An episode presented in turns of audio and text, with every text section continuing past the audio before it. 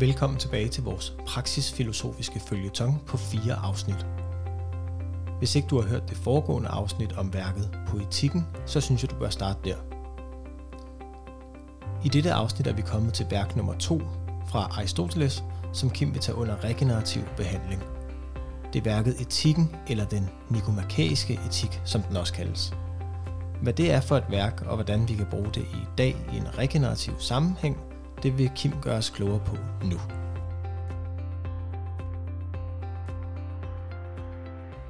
Vi starter lidt på samme måde. Kan du fortælle lidt om, hvad var det for et værk, eller hvad er det for ja. et værk? Der kommer selvfølgelig altid lidt nogle eftertanker, lidt efterslæb. Ikke? Altså, ja, ja. Selvfølgelig kunne man sige, at når man virkelig skal bogen og, og være meget interesseret i kunsthistorie og så videre, poetiske kunstgreb og så videre, så kan man prøve at isolere, så at sige, poetikken øhm, fra alt muligt andet. Ikke? Mm. Øhm, men der er jo, øh, som, som, som et levet liv, altså livsførelse, så er der jo øh, mange overlap ikke? Og, mm. og sammenblandinger. Ikke? Og ja, det er ja. også mellem æstetikken og etikken, kan man sige, eller poetikken og etikken. Ikke? Ja. Og du ved, der bliver jo altid diskuteret om, hvorvidt øh, kunst i dag også har en etisk undertone, eller skal have det, eller ja. ikke skal have det for den sags skyld. Ikke? Ja. Øh, bare for at tage den sådan lidt mere på en bredere klinge. Ikke? Ja. Mm. Men man kan selvfølgelig godt have nogle... Øh, øh, oplevelser, som ikke nødvendigvis har nogen etiske grundklang, eller skal have det. Øh, mm. Men bare inden for musikken har man jo formentlig også haft en masse oplevelser omkring folk, der nærmest prædiker, altså forsanger eller forsanger inder, ja. der fortæller noget om, øh, hvor godt det går, eller hvor skidt det går, og hvordan vi burde opføre os anderledes, om det så havde øh, sorg, eller hvad det er, de udtrykker i mikrofonen. Ikke? Ja, jo, jo. Øh, der er jo mange forskellige, øh, hvad skal man sige, øh, vers, som, som, som peger på øh, menneskehedens måder at opføre sig på. Og på den måde er der jo en del af de æstetiske erfaringer, som jeg har vævet ind i de etiske ja, opfattelser. Ja, ja. Jeg tænker også noget ja. som salmer er vel også... Øh, ja, ja, for søren. Det, det kobler de to ting virkelig godt. Fuldstændig, ja, fuldstændig. Politik og etik. Ja. Men altså bog nummer to, som vi lige sagde nu her, altså etikken, som jo øh, findes lidt forskellige etikker, øh, altså bøger af Aristoteles, øh, mm. den nikomakæiske etik, øh, nok den, som øh, jeg har læst mest i. Ikke? Det, ja. der hedder den nikomakæiske etik. Nikomakæiske ja. etik, ja. og jeg måtte finde ud af, at øh, ikke kun lige til dag, men tænkte, hvorfor hed den det? Det var et underligt navn, det der. Ja. Ikke? Øhm, jeg fandt ud af, at øh, Aristoteles far hed Nikomakos. Ja. Øh, så det er jo meget interessant, at, at, at, at hvis det er ham, han peger på, og det mener man. En etik til sin far? Ja, eller det er fransk etik til Aristoteles, ja, altså, okay. at, fordi der er noget, kan man sige, øhm, opdragelse i det, ikke? Ja, også. Ikke? selvfølgelig etikken, ikke? Altså ja. det er overlevering fra en generation til en anden, ikke? Okay. Øh, som måske kunne være signalet i, at den hedder den nikomakæiske etik. Men det kan også godt være, at vi her får en oldtidsfilosofi-professor i røret. det kan godt være. Der tager du helt galt, for der var vist også noget med, at hans søn også hed Nikomakos. Okay. Altså Aristoteles, men det gør jo ikke sagen dårlig, nej, nej, det så det er jo en lille linje hele vejen ned. Ikke? Ja, lige præcis. Fra generation til generation, hvordan man overfører, hvad skal man sige, morallærer, ikke? Ja, ja, ja. For, for, for den ene generation til den anden. Og det synes jeg selvfølgelig også er rigtig spændende.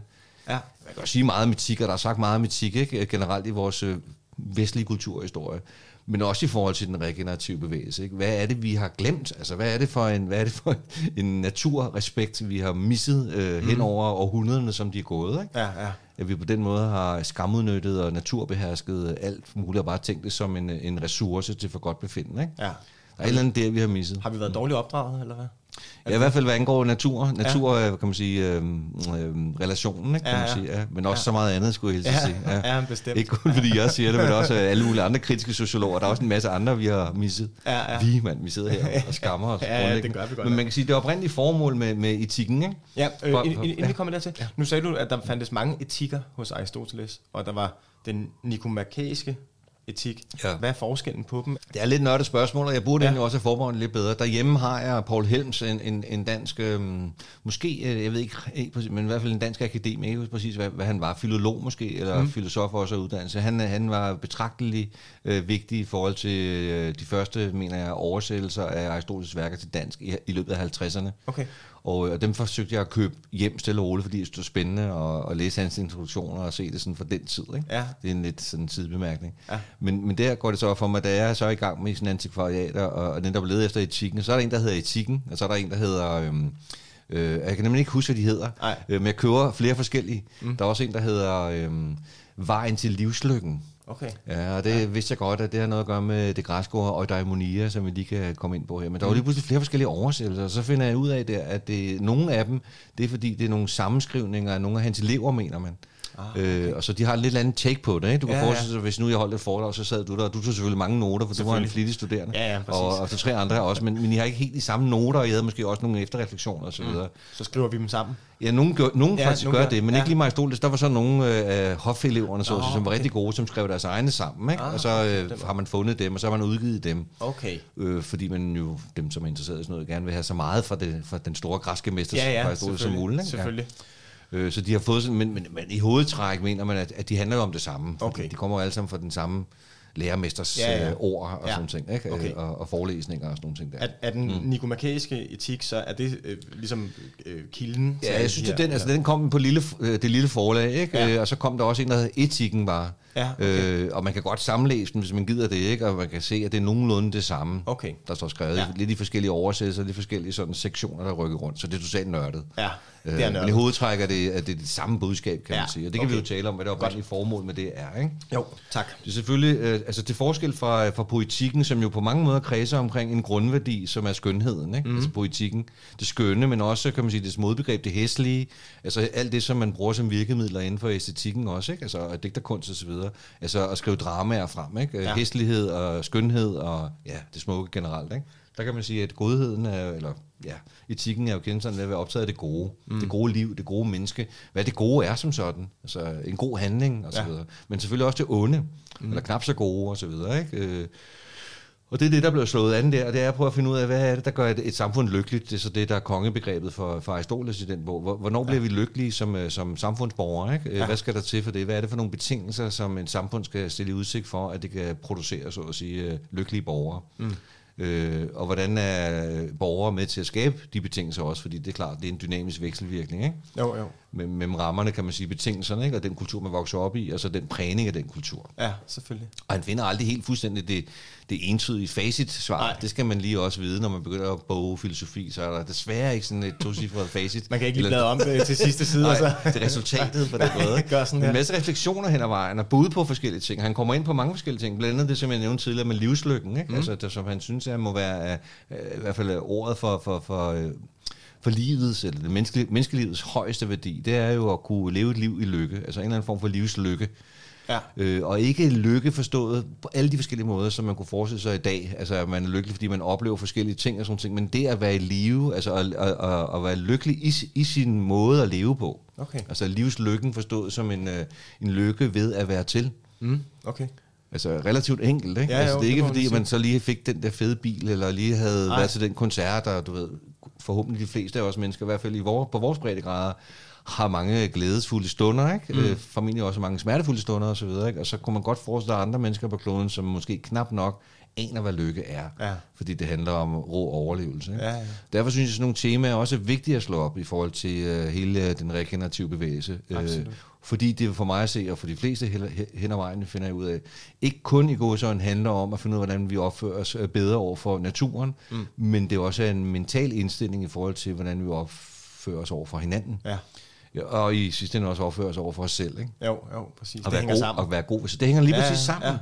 Så det er ikke kun et spørgsmål om, som mange siger, at, at kramme et træ, eller med al respekt for naturvejleder, at komme ind i botanisk have og se lidt, hvordan det er at være i nærheden af en blomst og blomster og sådan mm. noget. Og det mener jeg vildt er fede oplevelser. Mm. Det er jo æstetiske, stærke oplevelser, ja. som kan give rigtig meget, ikke? og vilde naturs oplevelser osv. Men det er også et spørgsmål om vores måde at være i en kultur på. Ja.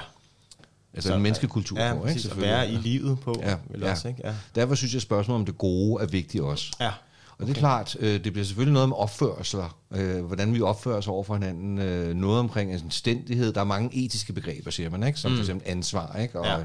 anstændighed, og oprigtighed, måske også troværdighed, ikke? og pligt. Øh, og det ligger altid og rammer øh, sådan nogle øh, temaer som lyst ikke? og mm. begær mm. og øh, ubehersket øh, trang til frihed og sådan nogle ting der. Ikke? Ja. Og det er jo noget, som filosofer og alle mulige andre gode mennesker har, har reflekteret og tænkt over op igennem 2.000 år. Ikke? Mm. Hvordan skal vores kultur øh, sætte rammerne for frihed under ansvar, som det hedder på ja. den måde ikke? Ja. i dag? Øh, men for Aristoteles, der handler det jo om, om livslykken, og så har han jo kendt derfra også at tale om det, som blev oversat til den gyldne middelvej. Ja.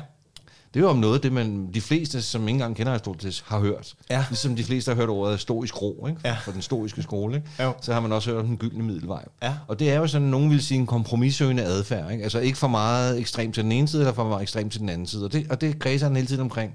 Det er jo en balanceorienteret filosofi, kan man Og sige. er, er det mellem det gode og det onde, eller hvad, hvad, Nej, hvor, hvor ligger øh, midlen? Man kan sige, at det gode eller livslykken øh, opstår øh, på balancepunktet. Sådan kunne man sige det meget enkelt. Ja.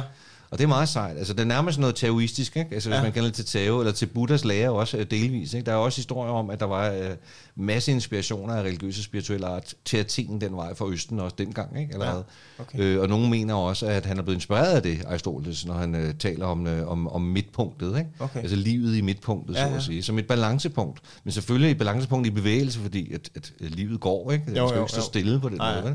Men der er ligesom et, øh, en, en midtpunktsfascination, forstået sådan, at lige præcis der er livslykken.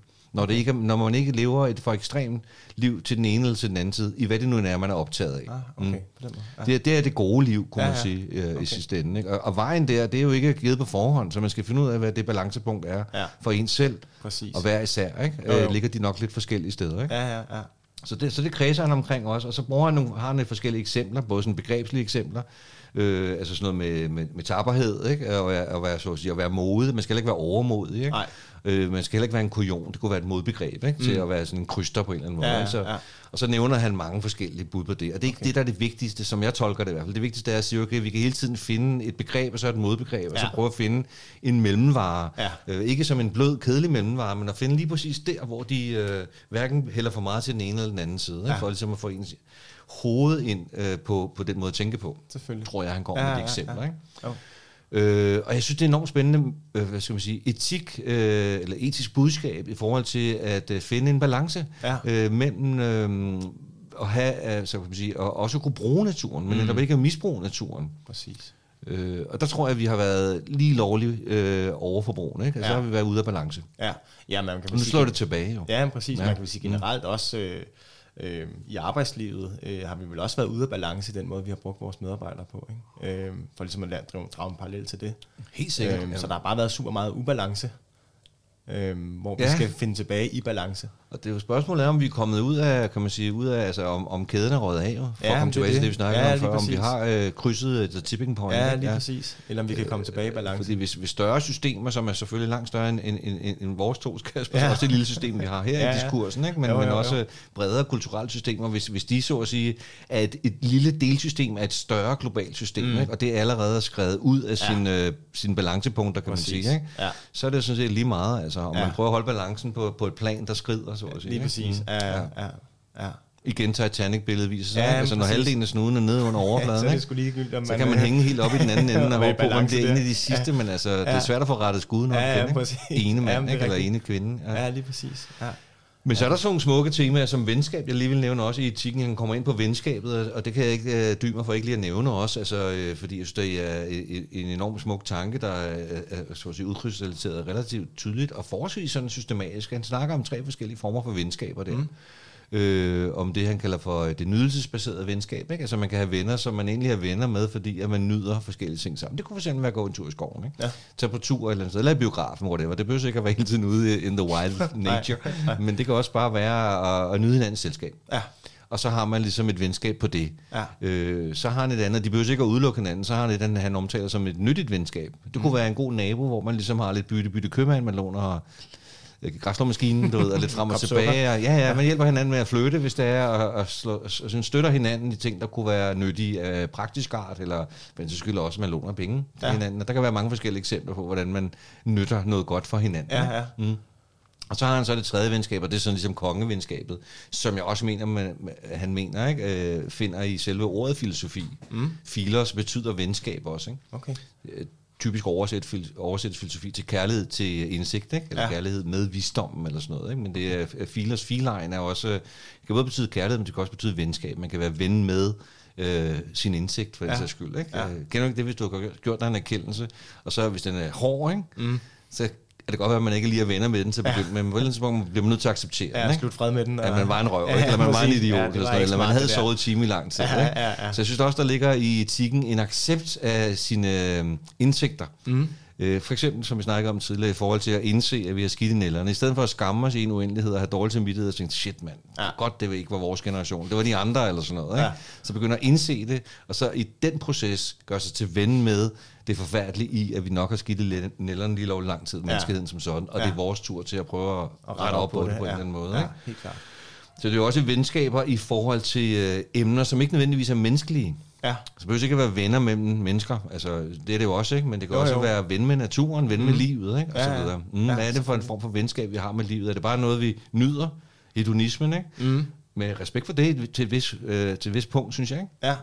Øh, altså, er vi ven med livet som noget, der nytter noget for os? Altså, det giver os noget, det gavner os noget, vi vil have noget ud af det, ikke? Mm. Øh, og, og har, vi, har vi et venskab, med, altså han kalder det det evige venskab, ikke? Altså har okay. vi sådan et særligt nært forhold til livet, eller et andet menneske, Kender ja. ikke det der? Der er nogle venner, man har måske, hvor at, øh, selvom der går 10 år, og man ja. ikke set den, så man mødes igen, så er det som om, at ingen tid der er gået en dag. Og ja, det er fantastisk. Ja, jeg tror, det er sådan nogle eksempler, han kommer med ja, også, ikke? hvor ja, man pludselig er, er der igen sådan der. Ikke? Det evige venskab. Nærmest sådan et ja. uh, transcendentalt eller metafysisk venskab. Ja, ja, altså, hvor det er sådan beyond time and space. ja, ja, præcis. Måde, ja, det er enormt smukt jo. Ja, det er virkelig smukt. Og det er jo nærmest så tæt på det, som jeg forstår, uden vi skal tale om Hartmut Rosa lige nu, men omkring resonansen. Ikke? Altså, ja. at man på en måde resonerer med noget, som øh, er... Øh, øh, uudstrækt, kan man sige, ikke? Ja. Og uden, at ikke har nogen varighed i sig, uden det nødvendigvis behøver at blive guddommeligt eller ja, religiøst. Ikke? Ja, ja. Det er enormt smukt jo. Ja, det er virkelig smukt. Mm, at være i kontakt med livet og naturen på den måde, at have et venskab altså med naturen og livet, som det sted, man jo også selv er vokset ud af, ikke? Ja, ja. og er i samtidig. Ikke? Det vil ja. være enormt flot. Og det synes jeg er spændende at have med ind i forhold til det etiske perspektiv. Og det er det her kongevenskabet her, ikke? Som kongevenskabet, ja, ja lige ja. præcis. Ja.